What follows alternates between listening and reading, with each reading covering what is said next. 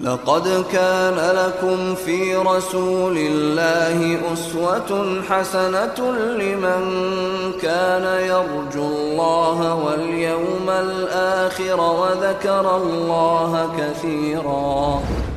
السلام عليكم ورحمة الله وبركاته. إن الحمد لله نحمده ونستعينه ونستغفره ونعوذ بالله من شرور أنفسنا وسيئات أعمالنا. من يهده الله فهو المهتد. ومن يضلل فلن تجد له وليا مرشدا. أشهد أن لا إله إلا الله وحده لا شريك له وأشهد أن محمدا عبده ورسوله الذي لا نبي بعده. وقال الله سبحانه وتعالى يا أيها الذين آمنوا اتقوا الله حق تقاته ولا تموتن إلا وأنتم مسلمون. وقال عز من قال يا أيها الذين آمنوا اتقوا الله وقولوا قولا سديدا. يصلح لكم أعمالكم ويغفر لكم ذنوبكم ومن يطع الله ورسوله فقد فاز فوزا عظيما. يا أيها الناس اتقوا ربكم الذي خلقكم من نفس واحدة وخلق منها زوجها وبث منهما رجالا كثيرا ونساء واتقوا الله الذي تساءلون به والأرحام إن الله كان عليكم رقيبا.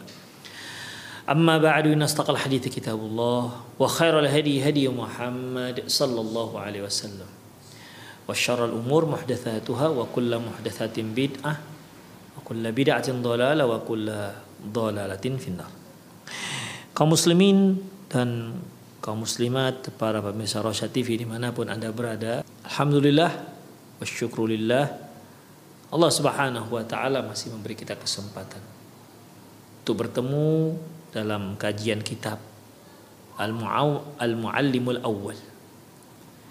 Kita masih membicarakan terkait dengan karakter seorang guru. Yang seharusnya setiap guru memiliki karakter ini. Karena seorang guru pada tingkat apa pun dia, pada level apa pun dia, apakah dia guru yang mengajarkan murid-muridnya di sekolah atau dia sebagai dosen di universitas. Atau dia guru yang terutama guru yang paling tinggi levelnya. Apa itu? Orang tua. Kita sebagai orang tua adalah guru guru besar untuk anak-anak kita. Bahkan mereka tidak hanya melihat apa pelajaran-pelajaran yang kita berikan kepada mereka namun mereka juga melihat bagaimana tindak tanduk kita. Oleh karena itu ikhwah perlu bagi kita sebagai orang tua, kita sebagai guru, kita sebagai dosen memberikan contoh yang terbaik pada murid-murid kita, pada anak kita, kepada siswa-siswi kita, kepada mahasiswa-mahasiswi kita. Agar apa yang kita sampaikan itu bisa berbekas di hati mereka. Kita sudah membicarakan delapan karakter seorang, delapan karakter yang seharusnya dimiliki oleh seorang guru. Kita masuk pada karakter berikutnya, yaitu as-sabr wahtimalul ghadab, yaitu sabar dan mampu menahan amarah. Ikhwah rahimanallahu wa iyyakum, kita sudah sama-sama ketahui bahwasanya untuk menyatakan sabar, kalimat sabar adalah kalimat yang mudah untuk diucapkan. Namun tidak mudah untuk dipraktekkan. Allah Subhanahu wa taala mengatakan innama sabiruna ajrahum bighairi hisab. Sesungguhnya Allah Subhanahu wa taala memberikan pahala orang-orang yang sabar dengan tanpa batas sesuatu sesuatu yang pahalanya besar ini menunjukkan amalannya juga tidak mudah. Ketika Allah Subhanahu wa taala menyatakan bahwasanya ini pahala tanpa batas. Berarti untuk mendapatkan ini kita melakukan satu amalannya juga tidak sederhana. Karena al jaza ma'an jinsil amal. Sesungguhnya ganjaran itu sesuai dengan amalan yang kita lakukan. Ikhwah rahimani Allah wa iyyakum. Oleh karena itu, kita sebagai guru pastilah kita akan mendapatkan hal-hal yang tidak kita inginkan. Atau mungkin lebih parah daripada itu bukan sekedar tidak kita inginkan tapi malah membuat kita murka atau menyakiti hati kita atau membuat hati kita terluka, membuat hati kita sedih dan lain. Selama kita menjadi manusia, jadi bukan hanya seorang guru, hanya selama kita menjadi manusia, kita pasti mendapatkan hal-hal seperti ini. Oleh karena itu, untuk menghadapi itu semua, terutama para guru ini, dia bukan hanya sekedar untuk menahan diri, bersabar, ya, bukan hanya sekedar bersabar, menunjukkan sifat sabar, tapi beliau juga sedang memperlihatkan kepada murid-muridnya bagaimana cara menahan amarah ketika dia sudah pantas untuk marah. As-sabru lughatan bimakna al-man'u wal habs. Sabar dari sisi bahasa maknanya yaitu melarang, larangan dan habas, menahan. Wahia manzilatun rafi'atun la yanaluha illa dhu himamin dhul dhawil hima dhawil himami al-aliyati. Sabar merupakan posisi yang tinggi, sangat tinggi yang tidak bisa dicapai kecuali seorang yang memiliki semangat yang tinggi wa nufus zakiyah dan jiwa yang suci. Wal ghadabu nah di sini ikhwah menyebutkan bahwasanya sabar apa nih sifat sabar ikhwah orang yang mampu memiliki sifat sabar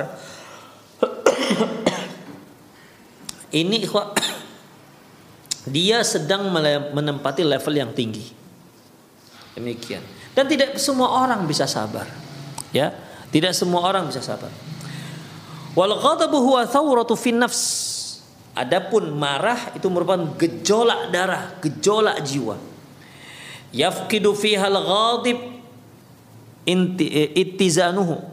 Di mana orang yang marah kehilangan keseimbangan. Orang marah hilang keseimbangan. Maksudnya ikhwah, umumnya seperti itu. Ya, umumnya seperti itu. Wa qalibul mawazin indahu. Timbangannya bisa menjadi terbalik. Fala yakadu yumayyizu bainal haqqi wal batil. Bahkan sampai-sampai bisa jadi dia tidak bisa membedakan mana yang benar dan mana yang salah. Demikian ikhwah rahimanallah wa iyyakum. Ya, Wahiyah khaslatun ghairu mahmudatin. Tentunya ini adalah sifat karakter yang tidak terpuji. Ketika seorang marah, ikhwah rahimallahu wa iyyakum. Ya, ketika seorang marah, dia bisa tidak mengetahui apa yang dia ucap. Bahkan dia tidak bisa pertimbangkan gerakan yang dia lakukan. Makanya kita lihat ikhwah, ketika orang sudah marah, sangat marah, dia mampu membunuh dia tega membunuh orang lain. Bahkan tega membunuh istri sendiri. Tega membunuh anak sendiri. Tega membunuh orang tua sendiri. Yang dia sesak dan dia akan sangat menyesal ketika ketika amarahnya sudah sudah reda. Tandanya kan saat itu akalnya sudah terbalik. Yang ada pada itu pada saat itu yang teringat dia adalah hanya untuk melumuat, meluapkan, melampiaskan amarahnya kepada orang yang sedang dia marahi.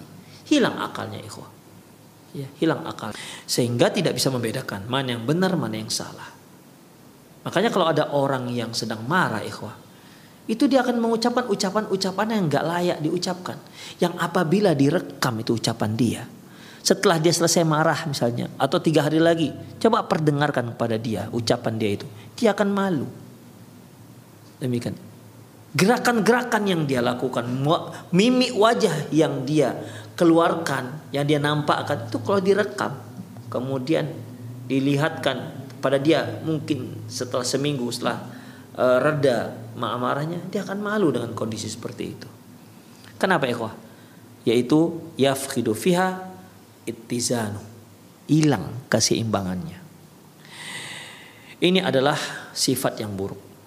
Illa mangkana minha ghadaban lillah. Kecuali orang yang marah karena Allah ya marah karena Allah wa huwa ma kan yattasifu fihi Rasulullah fa innahu lam yakun yaghdibu li nafsi wa lam yantasir liha qattun innama yaghdabu idan hurmatillah.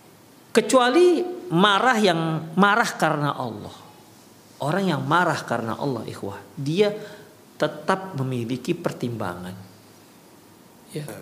Dia tetap bisa membedakan mana yang hak dan mana yang batil. Dia tetap bisa mengendalikan amarahnya. Dia bisa men, apa namanya? menyeimbangkan sikapnya, menyeimbangkan ucapan-ucapan. Seperti ikhwah sebagaimana yang diceritakan kepada diceritakan oleh Rasulullah Sallallahu Alaihi Wasallam ya kepada kita bahwasanya beliau kalau marah bukan untuk membela diri beliau marah bukan untuk kepuasan diri tapi beliau marah apabila ada larangan yang Allah tetapkan dilanggar oleh yang lain itu yang membuat Rasulullah marah. Kalau ada orang yang mencaci beliau, beliau nggak marah. Ya, nggak marah. Taib, inilah ikhwah rahimallah wa iyyakum sifat sabar. Marah yang dilarang. Jadi kalau kita marah karena Allah, ikhwah, marah karena Allah. Marah kita misalnya marah kepada istri kita yang keluar rumah tak pakai jilbab. Maka bisa kita marah. Ya tentunya marah karena Allah ini ikhwah. Ini biasanya tidak ditunggangi oleh setan. Ya. Karena setan nggak suka kita marah kalau istri kita keluar tanpa jilbab.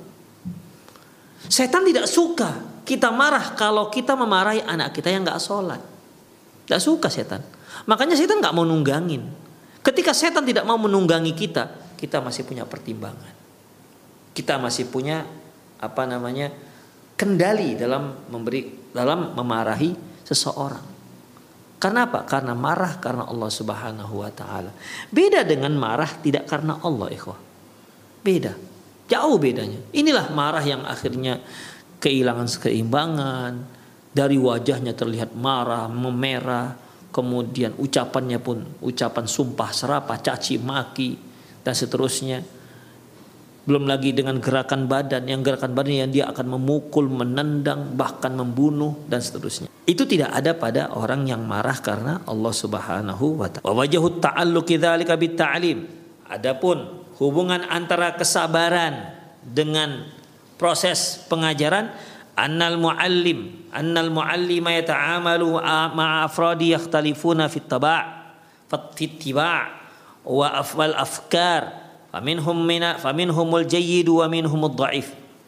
Seorang guru dia akan bermuamalah, dia akan berinteraksi dengan berbagai macam manusia yang memiliki tobiat yang berbeda-beda, karakter yang berbeda-beda, tingkah laku yang berbeda.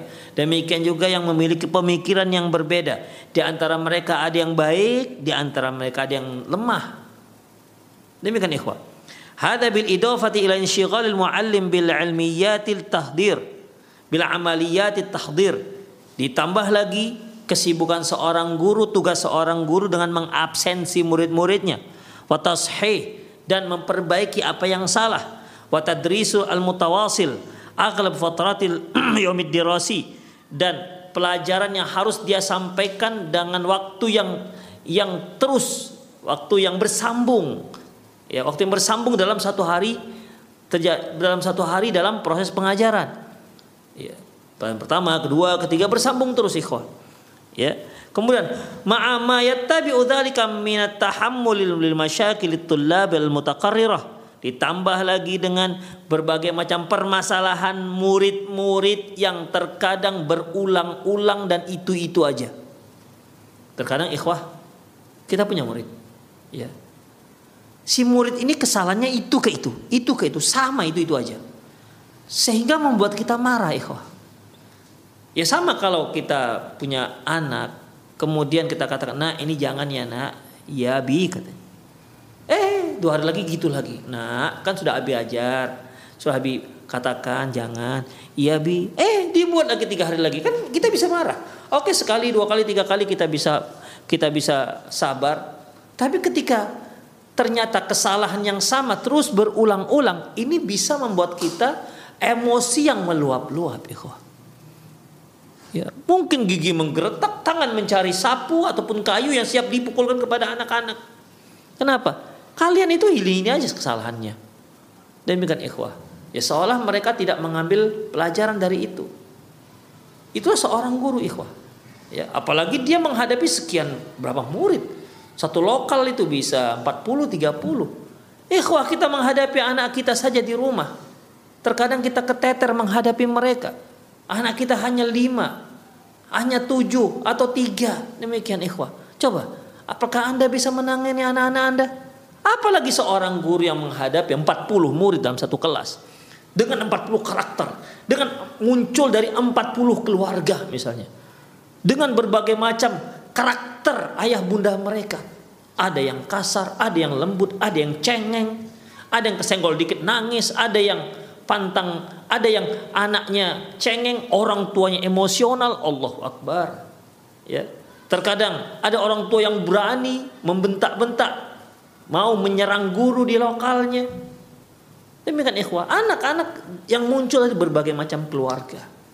Ada yang masya Allah anaknya solehah, masya Allah penurut, pinter, hafal Quran misalnya.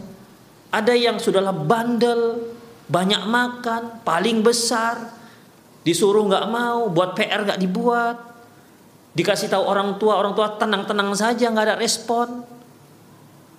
Ini kan bisa membuat luapan emosi seorang guru apa namanya kemarahan emosi seorang guru bisa meluap-luap. Demikian ikhwah rahimanallah. Ila da ila ghairi dzalika minal minal uh, minal hi, minal mihami al manutatu bil muallim dan berbagai macam hal yang biasanya didapati oleh seorang guru. Fakullul umuri salifati salifati dzikr wa ghairiha semua yang kita sebutkan yang lalu tastalzimu minal muallim sabran wa tahammulan. Ya, apa yang kita sebutkan tadi, apa yang telah kita singgung, maka seorang guru dalam menghadapi ini semua butuh kesabaran. Wa hadha sabru laisa sahlul manal. Kesabaran ini nggak mudah untuk dicapai. Ya, nggak mudah kesabaran ini untuk digapai. Bal innahu yahtaju ila tulil mumarasati minal muallimi hatta ya'tada dalika wa ya'lafuhu. Bahkan seorang guru ya eh, kesabaran seperti ini, karakter sabar ini tidak bisa langsung dapati, tidak bisa dengan mudah dapati oleh seorang guru. Tapi seorang guru hendaklah dia apa namanya? Dia uh, membiasakan diri ya membiasakan diri untuk gimana caranya agar dia bisa menahan diri tidak marah bersabar. Kemudian sampai dia nanti terbiasa dengan karakter seperti itu. Demikian ikhwah. Ikhwah memang ada yang namanya sifat manusia itu dia dia punya sifat penyabar memang sudah dari lahir. Bawaan badan. Ya. Bawaan badan. Kan ada orang itu memang tenang bawaan badan dia memang tenang orangnya. Ada orang tuh gerusah gerusuh demikian. Ya. Kalau dia bawaan badannya memang orangnya lebih sabar dibandingkan yang lain, ya tentu ini akan lebih mudah. Tapi ada orang yang dia bisa bersabar itu karena apa, ikhwah? Dikarenakan dia berusaha belajar untuk bisa sabar. Inilah yang mendapat pahala yang luar biasa itu, ikhwah. Ya, ini yang mendapatkan pahala yang luar biasa. Kenapa? Karena dia tadinya emosional, orangnya emosional, tapi dia bisa belajar, berupaya sedikit demi sedikit untuk mengendalikan emosinya. Yang biasanya ketika dia marah terhadap muridnya, mungkin dia lempar penghapus. Kalau dahulu waktu kita eh, SMP gitu kan, penghapus itu kan dari kayu. Dan papan tulisnya kan blackboard apa papan tulis pakai kapur. Demikian itu dulu lempar. Kadang-kadang sapu dilempar. Atau kadang-kadang apa namanya sepatu. Guru karena sudah emosi buka sepatu dilemparnya kepada ke murid yang mungkin lagi ngobrol atau tidur atau apalah namanya. Tapi biasanya ngobrol. Demikian ada lebih parah lagi. Guru ngerja nerangkan di depan dia merokok di belakang. Ini kan membuat emosional guru ikhwan. Ya. Demikian ikhwan rahimanallah wa iyyakum. Nah, tadi dari emosi. Kalau dia emosi, dia melemparkan apa saja yang ada di tangannya atau mengucapkan ucapan-ucapan yang mencela si murid. Tapi pelan-pelan dia membenahi diri, ya, membenahi diri, memperbaiki diri hingga akhirnya dia bisa mengendalikan dirinya. Baik. Wa fuqdani sabri yuqi'ul muallim fil haraj syadid. Apabila seorang guru tidak sabar, dia akan mendapat dia akan terjatuh pada problem yang rumit. Khususan idza kana dzalika athna mumarasati ta'lim, terutama ketika dia sedang sedang dalam proses belajar dalam proses uh, belajar mengajar. Fa innal muallim yuwajihu aqliyati uh, mutafa mutafawitati fi idraki wa tasawwur wal istijabah ila ghairi dzalik. Karena guru itu sedang berhadapan dengan kecerdasan yang berbeda-beda, daya faham yang berbeda-beda. Demikian juga ikhwah dan uh, daya hafal yang berbeda-beda. Demikian ikhwah dan dan perbedaan-perbedaan yang lainnya. Makanya ikhwah ada ada murid itu kita beritahu sekali, jelaskan sekali, sudah aman dia, paham. Bahkan ada yang paham sekaligus hafal. Ya. Kita beri kita jelaskan, dia cepat paham dan dia cepat hafal. Ada yang cepat hafal tapi tak paham. Ada yang cepat paham tapi tak hafal. Ada yang tak cepat paham dan tak cepat hafal juga. Ada yang sudah berkali-kali difaham-fahamkan, tak faham-faham juga. Ini guru harus harus sabar. Ya. Gimana? Nggak bisa dia main ketok kepala, kamu nggak sabar-sabar, nggak nggak faham-faham, nggak bisa seperti itu, ikhwah. Ya harus sabar ketika muridnya. Gimana nak sudah faham? Belum ustazah, belum ustad. Ya sudah diulang. Gimana sampai dia faham? Demikian. Kalau nggak faham-faham juga ya sudah lewat aja dulu pelajarannya karena kasihan yang lain. Nanti dia di luar di luar pelajaran kita panggil ini loh caranya demikian ikhwah mungkin kalau langsung face to face dalam mengajarkannya yaitu lebih cepat dia dia faham ketimbang di kelas demikian kemudian faqat yadhillul muallimu yalqa darsahu limuddatin limuddati sa'atin mutawasilah karena terkadang guru itu bisa menyampaikan pelajarannya bisa satu jam penuh terus menerus Summa yufaji'u. Ya, terkadang seorang guru itu ketika dia memberikan pelajarannya bisa satu jam penuh terus menerus. Ya non stop satu jam. Ya. Ketika dia memberikan pelajaran non stop satu jam, kemudian summa yufaji'u biqauli ahad bitulabi annahu lam yafham kullah. Kemudian dia terkejut ketika dia mengatakan, Ustadz, saya nggak paham semua. Bayangkan apa nggak emosi kita? Ya, sudah satu jam penuh kita jelaskan. Wah wah wah wah wah wah wah. Bla bla bla bla bla bla bla. Satu jam penuh setelah selesai Ustadz saya nggak paham semua. Coba bayangkan bukan nggak naik spanning kita bukan nggak merah muka kita dibuatnya. Ini anak satu jam berbusa mulutnya ya berbuih mulutnya mulut kita demikian udah kering nih mulut sudah kering untuk menjelaskan satu jam penuh tapi terakhir dia nggak paham. Ini kalau nggak sabar, masya Allah, nggak sabar bisa pingsan tuh guru, bisa ditinggalnya di kelas, atau bisa dilemparkannya tuh murid yang yang nggak paham. Demikian. Kemudian ikhwah rahimanallah wa iyyakum. Au qad yata'arrad al-muallim ila as'ilatin tafihatin au fi ghairi mahalliha. Atau sudah atau di saat itu ada yang bertanya masalah pertanyaan yang nggak penting atau nggak pada tempatnya. Ya, Misalnya ikhwah, eh, seorang guru sedang menjelaskan misalnya masalah apa ya? Masalah toharoh lah kita katakan. Bagaimana cara beruduk yang baik begitu kan dijelaskan satu dua tiga dengan tertib. Nah, anak-anak ada yang mau tanya? Ada, ada Ustaz. Apa pertanyaannya? Pertanyaannya yang ditanya, eh, Ustadz uh, artis yang di Jakarta itu siapa sekarang yang baru nikah? La ilaha illallah. Apa hubungannya pelajaran kita dengan artis? Bukan nggak naik sepaning kita dibuat ikhwah. Naik ini bisa naik darah kita. Apa hubungannya antara pelajaran kita kita belajar tentang bagaimana beruduk yang baik dia nanya masalah artis dengan kita. Jadi seorang guru ya harus tahan. Tidak bisa sini sini sini. Kan maunya kita. Hmm. Maju maju maju. Maju. Diri depan. Begitu. Angkat satu kaki. Tangan di telinga. Begitu ikhwah. Demikian. Kenapa? Ini per, apa namanya? Pertanyaannya sama sekali tidak ada hubungan dengan pelajaran. Demikian. Au qad muallim athna ilqa'ihi bi anna ahadatul labi na'imun Atau ketika dia sedang serius memberikan pelajarannya, memaparkan pelajarannya, menjelaskan pelajarannya, eh ternyata ada murid ya tidur. tidur. Kadang-kadang sampai dengkur, suaranya sampai ke depan. Ya Allah, ini ikhwah bisa membuat kita marah. Atau senyum-senyum sendiri. Ya, dia senyum-senyum sendiri. Berarti ada yang dia tentang dia pikirkan dan seterusnya. Bal inna min asyaddiya waqa'an wa atharan alal muallim. Bahkan ada yang lebih parah pengaruhnya terhadap si guru yaitu wa huwa idza ta'arrada al muallim li kalimatin nabi nabiyatin nabiyatin min ahadi tullabi yaitu apabila dia mendengar kalimat yang aneh kalimat yang tidak layak dari muridnya. Walaysa dzalika bimustaghrabi lihtilafihim fi dan itu bukanlah satu hal yang aneh.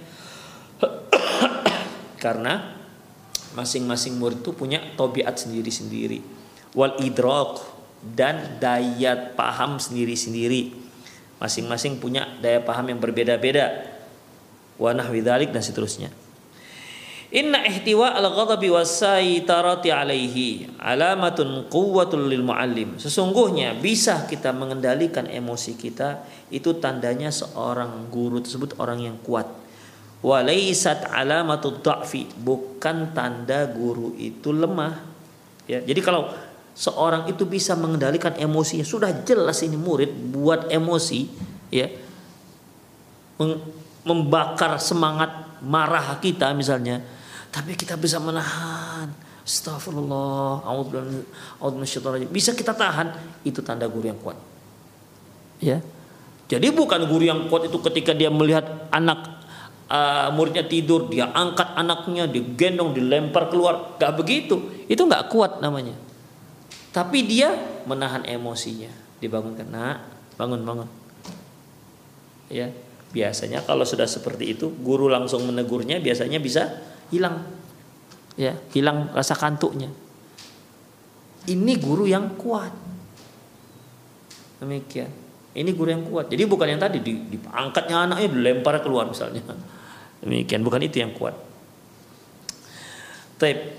Walaisat alamatud dha'fi bukan tanda guru yang lemah.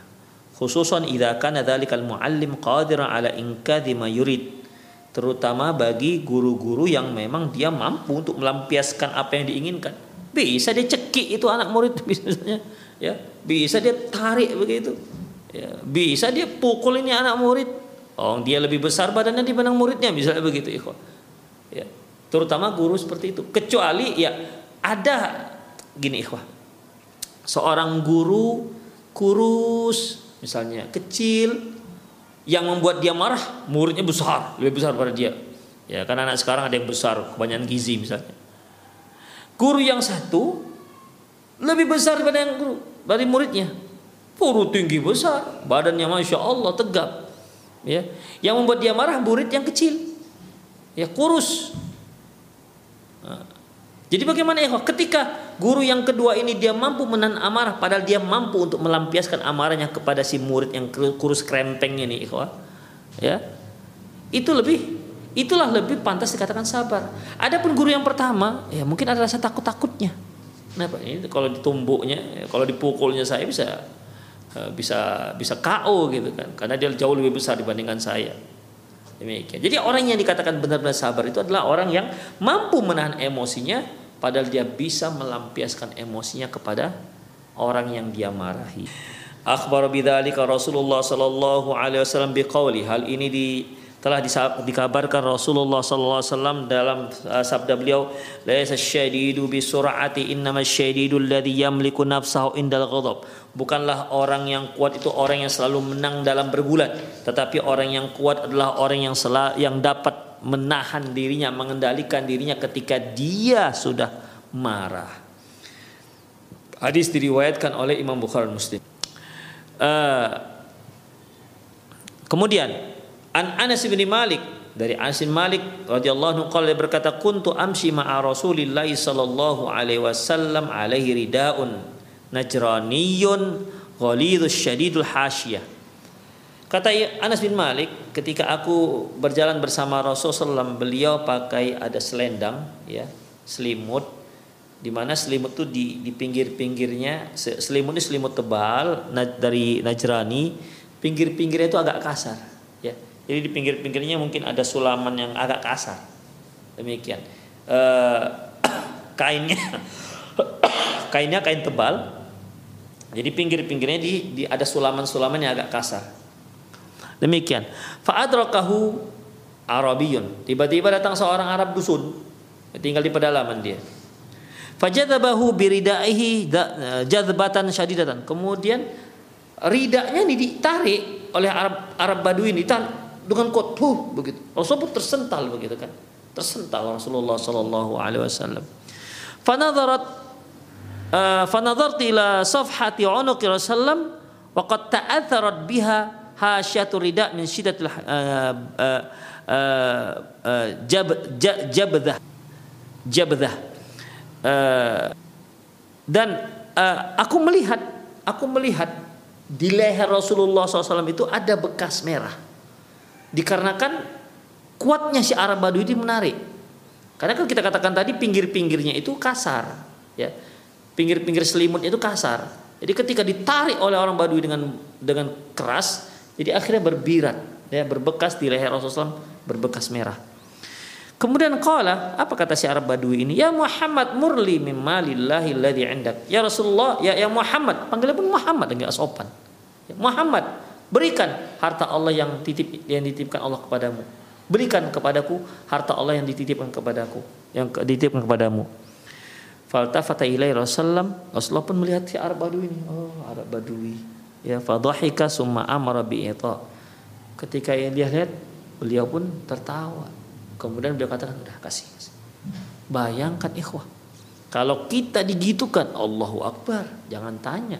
Kita cekik ini orang Arab Baduinya ya. Sudah nggak sopan narik begitu ikhwah. Kalau Rasulullah nggak usah nggak usah usah Rasulullah lah mukul.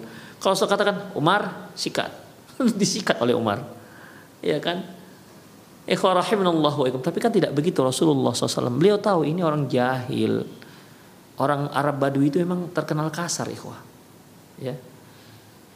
Makanya apa kata Rasulullah? Man bada Java. Barang siapa yang tinggal di pedalaman Java, dia menjadi kasar. Ya. Kasar, tobiatnya menjadi kasar. Kenapa ikhwah? Karena sebagian ulama mengatakan karena minimnya di sana pendidikan mengajarkan bagaimana tata kerama, bagaimana cara berbicara yang baik.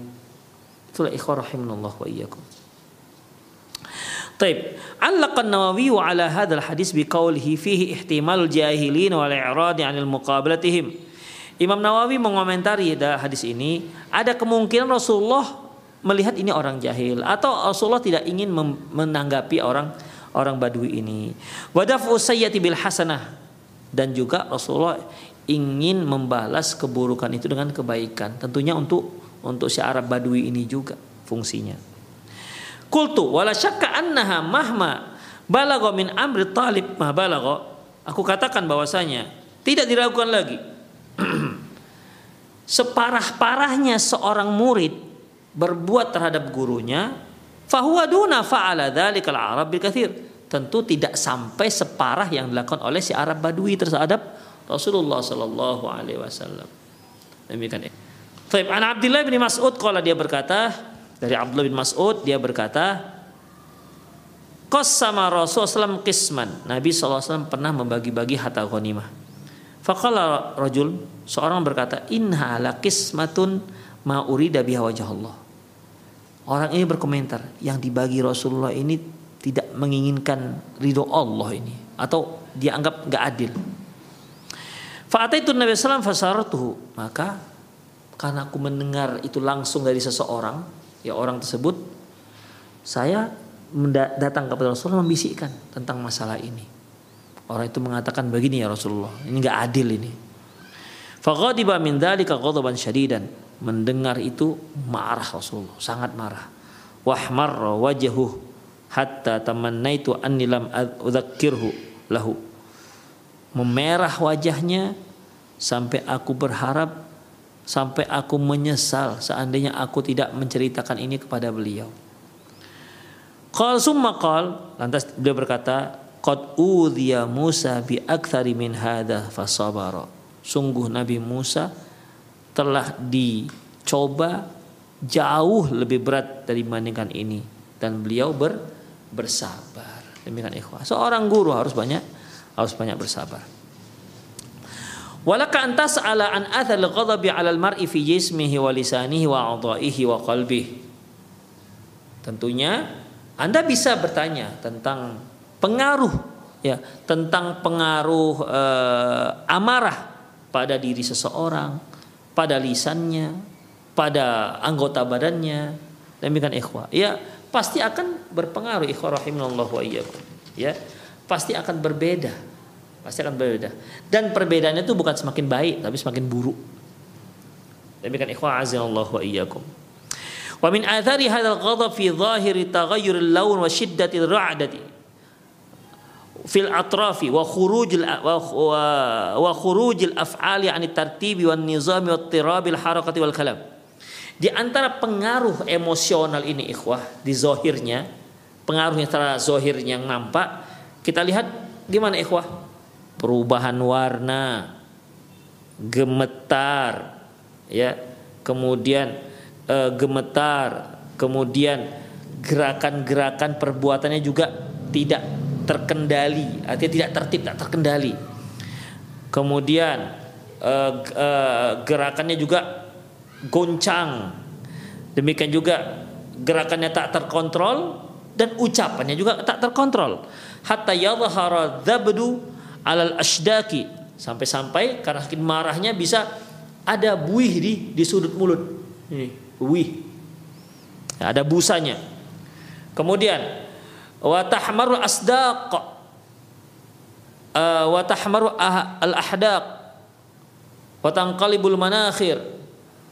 Pipi menjadi merah kemudian uh, hidung kebang kepis ya wa tastahilul uh, khulquh dan berubah bentuknya. Maksudnya bentuk bentuk bentuk wajah berubah.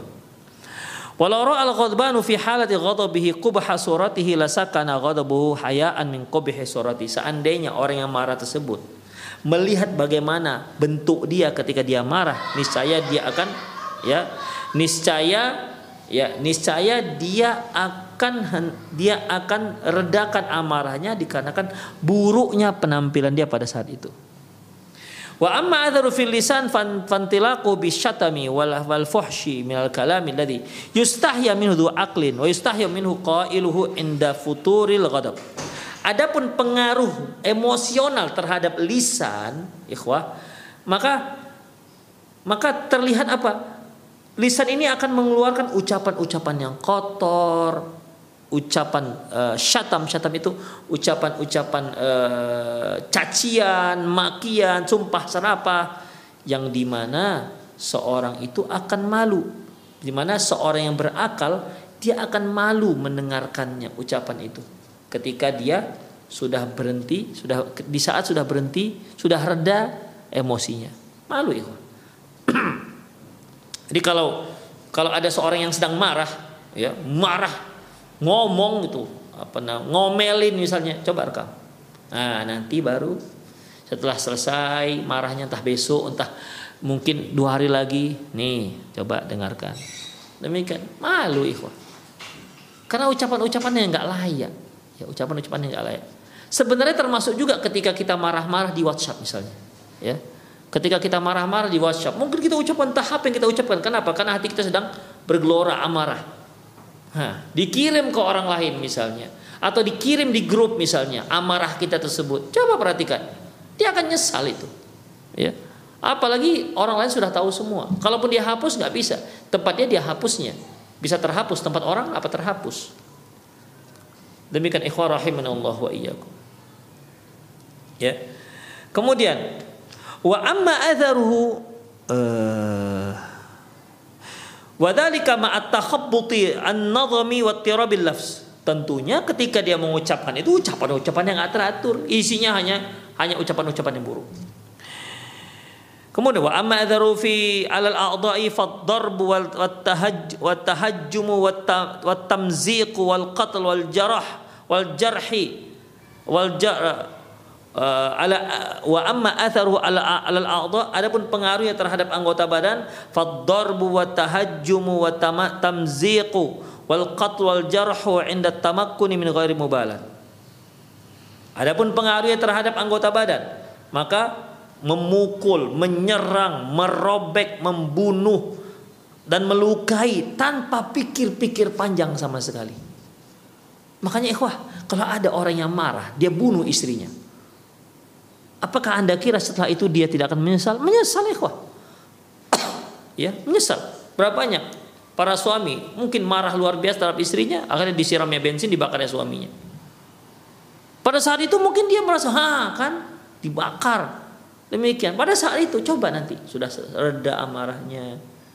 Dia lihat istrinya meninggal karena dia bakar, dialah pembunuhnya. Menyesal Belum lagi melihat anak-anaknya kehilangan ibunya gara-gara uru, gara-gara kebrutalan ayahnya. La ilaha illallah. Akan menyesal senyesal-nyesalnya. Ya, itu kapan? Setelah redanya ya, setelah redanya amarah. Wa amma atharu fil qalbi ma'al mal maghdub alaihi. Adapun pengaruhnya terhadap hati kita.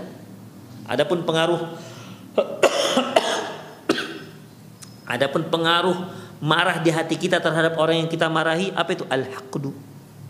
Dendam hasad dengki itu marusu adanya apa namanya keinginan buruk terhadap orang yang kita marahi. Wasyamatati bil masawati merasa gembira ketika orang tersebut tertimpa keburukan. Wal huznu bis surur dan sedih ketika dia terlihat bahagia. Demikian ikhwah. Rahimani Allah wa iyyakum. Ya. Wa ila dzalika yakunu bil ilaj rabbani nabawi. Tentunya ini semua bisa diobati ditanggulangi dengan tips nabawi. Ya. Tips apa namanya dengan cara yang dilakukan oleh Rasulullah Sallallahu Alaihi Wasallam. Kiatnya dari Rasulullah SAW. Kiat dalam menanggulangi amarah. Ammal ilaj rabbani faqad athna Allah Subhanahu wa taala ala alladhina yaq ala alladhina yakdhibu ala alladhina yaqzimuna ghaidhahum wa laysa dhalika faqad faqad bal ma'al afi anin nas di sini dalam menangani emosional ada dua penanggulangannya. Pertama ilaj rabbani yaitu penanggulangan dari Allah Subhanahu wa taala jadi dari wahyu Allah. Ada yang penanggulangan dari An-Nabawi. Adapun dari Allah Subhanahu wa taala di sini Allah Subhanahu wa taala e, memberikan pujian terhadap orang yang marah dan mampu menahan amarahnya bahkan memaafkan orang lain yaitu dalam surah Al Imran ayat 134 134 firman Allah Subhanahu wa taala wal qadhimin al ghaidha wal afina 'anil nas yaitu mereka-mereka yang mampu menahan amarahnya dan mema dan memaafkan manusia. Wallahu yuhibbul muhsinin. Allah mencintai orang-orang yang berbuat baik. Demikian ikhwah. Ini ayat ini ikhwah awalnya yaitu firman Allah Subhanahu wa taala, "Wasari'u ila magfiratin min rabbikum wa jannatin arduhas samawati wal ard." Muttaqin. Bersegeralah kalian untuk mendapatkan, bersegeralah kalian untuk mendapatkan keampunan dari Allah Subhanahu wa taala dan untuk mendapatkan surga yang e, mengalir di bawah sungai-sungai. Yang disediakan untuk orang-orang yang yang bertakwa. Siapa itu? Ya, itu uh, yang ya, apa namanya? yang disediakan untuk orang-orang yang yang bertakwa. Mereka adalah ikhwah yunfiquna fis mereka adalah yang menginfakkan hartanya fis wad dalam keadaan lapang dan dalam keadaan sempit wal kadhiminal dan orang-orang yang mampu menahan amarahnya. Wal afina 'anil nas. Dan orang-orang yang memaafkan manusia. Ula Allah yuhibbul muhsinin. Allah suka dengan orang-orang yang berbuat baik. Wa ammal ilajun nabawi faqad alajan nabi wasallam ghadaba bi'iddati turuq. Bi'idatin turukin bi'idati turukin adapun uh, kiat yang ataupun tips yang diberitahukan Nabi kepada kita dalam menanggulangi emosional Ada beberapa cara. Yang pertama ayyakul al-ghadib a'udzu billahi minasyaitonir rajim. Yang pertama yaitu orang yang marah mengucapkan a'udzu billahi minasyaitonir rajim. Ini ikhwah hadis ini diriwayatkan oleh Imam Bukhari di mana ketika ada dua orang yang saling cerah, saling cercah. Ya, yang satu nampak sangat marah. Rasulullah berkata kepada sahabat yang di sampingnya, "Inilah a'lamu kalimatan. Lau qalaha la dhahaba ma yajid." Aku tahu satu kalimat, jika dia ucapkan maka amarahnya akan reda. Apa itu? Sahabat yang di sebelah Rasulullah ketika mendengar itu, dia ingin menyampaikan hal itu kepada yang sedang marah-marah tadi. Maka dia pun datangi orang tersebut yang sedang marah-marah. Dia mengatakan bahwasanya aku Rasulullah mengabarkan kepadaku cara menanggulangi amarah yaitu ucapan a'udzubillahi minasyaitonirrajim. Sahabat tadi inginnya agar orang tersebut yang marah-marah tadi mengucapkan minasyaitonirrajim agar redanya amarahnya reda. Tapi malah dia nggak mengucapkan. Dia mengatakan, "Apakah engkau kira aku sedang gila? Apakah kau lihat aku sedang gila?" Demikian ikhwah. Seandainya dia ucapkan saja maka adalah amarahnya. Tapi yang namanya amarahnya sudah dikendalikan oleh syaitan, maka dia menganggap nasihat itu ya kurang wajar dia menganggap nasihat itu tidak pada tempatnya. Karena e, berkonsekuensi bahwasanya dia adalah orang gila, begitu dalam pemikirannya. Makanya dia tidak makanya dia tidak mau mengucapkannya. Demikian ikhwah. Yang kedua, ayas kutal ghadib oleh takallam. Yaitu hendaklah yang marah itu diam, jangan bicara. Dan ini juga sabda Nabi Shallallahu Alaihi Wasallam yang diriwayatkan oleh Imam Ahmad. Man ghadiba falyaskut, barang siapa yang marah hendaklah dia diam. Jangan dia bicara. Dia bicara nanti dia mengeluarkan ucapan-ucapan yang enggak layak untuk dikeluarkan, diucapkan. Hatta yatamadda bihi al-ghadab fayaqa'u fil mahdzur. Sehingga dia jangan sampai dia bicara gara-gara gara-gara dia marah dia mengeluarkan ucapan-ucapan yang terlarang. Kemudian idza kana al-ghadib qa'iman falyajlis. Apabila yang marah itu sedang berdiri, hendaklah dia duduk. Wa illam tantafi'u tantafi'u ghadabuhu falyataji. Kalau enggak silakan dia tidur. Demikian ikhwah. Jadi ini amarah yang untuk meredakan amarah. Ketika kita sedang marah itu sedang berdiri, maka duduk. Ternyata kalau marahnya sedang duduk, maka silakan tidur. Demikian ikhwah. Itu ilas nabawi. Demikian ikhwah. Kemudian ayat tawaddal ghadib wudu ali salati fa innal ghadib yutfi fa innal ghadaba yutfi'u bil ma' Yang ketiga, ya, yang berikutnya itu hendaklah dia beruduk. Hendaklah orang yang sedang marah itu beruduk seperti wudhu untuk sholat. Karena marah itu bisa diredakan dengan air. Itulah ikhwah rahimani Allah wa iyyakum.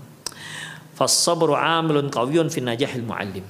Kesabaran ini merupakan faktor yang sangat kuat untuk uh, kesuksesan seorang guru. Al-ghadabu thawratun fi nafs. Bahwasanya marah itu merupakan gejolak diri wa ikhtilalu fi mawazin dan adanya kekurangan, kehilangan keseimbangan wa fi tamyiz dan lemahnya dalam memberikan pilihan wa awaqibuhu wakhimah dan akibatnya yaitu akan membuat dia celaka. Ya. Akibatnya akan merugikan. Wa ra'atul muallim tamakkana fi kaifiyati imtisasi ghadabihi inda hudusihi wa saytarti ala a'sabihi. Bahwasanya seorang guru yang piawai adalah dia yang mampu untuk meredakan amarahnya atau mampu untuk meredakan emosinya. At-tadarruj wa tul uh, miran yaksiban al-muallim kuwatan wa man'atan dengan berlatih ya. dengan berlatih seorang guru dengan berlatih yang terus menerus seorang guru bisa menambah kekuatan dia dalam mengendalikan amarah. Menambah kekuatan dia dalam mengembalikan mengendalikan emosionalnya. Al mubadaratu bi'ilajil ghadabi indal hudus segera ditangani ketika ketika marah terjadi muncul emosi maka segera ditangani. Jangan dibiarkan nanti Wa afdaluhu ala itlaqi ilaj rabbani an-nabawi dan yang paling baik dalam menangani amarah adalah cara yang disebutkan oleh Allah Subhanahu wa taala yaitu menahan amarahnya dan cara yang disebutkan oleh Rasulullah sallallahu alaihi wasallam. Demikian ikhwah rahimallahu para pemirsa sekalian, eh, seorang guru ya hendaklah dia bersabar, mampu menahan amarahnya. Karena bagaimanapun dia sedang belajar, dia sedang mengajar dan dia juga sedang belajar mengendalikan amarahnya. Semakin dia sabar, maka semakin kuatlah dia menjadi seorang guru. Semakin piawailah dia sebagai seorang guru dan semakin dekat harapannya yang ingin dia capai terhadap murid-muridnya. Demikian ikhwah, semoga bermanfaat. Aku lu qauli hadza wa astaghfirullah li wa lakum wal muslimin innahu wal ghafur rahim. Subhanakallahumma bihamdik asyhadu an la ilaha illa anta astaghfiruka wa atubu. Wa sallallahu ala nabiyyina Muhammad wa ala alihi wa ashabihi jema'in. Wa akhir da'wana alhamdulillahirabbil alamin. Assalamualaikum warahmatullahi wabarakatuh.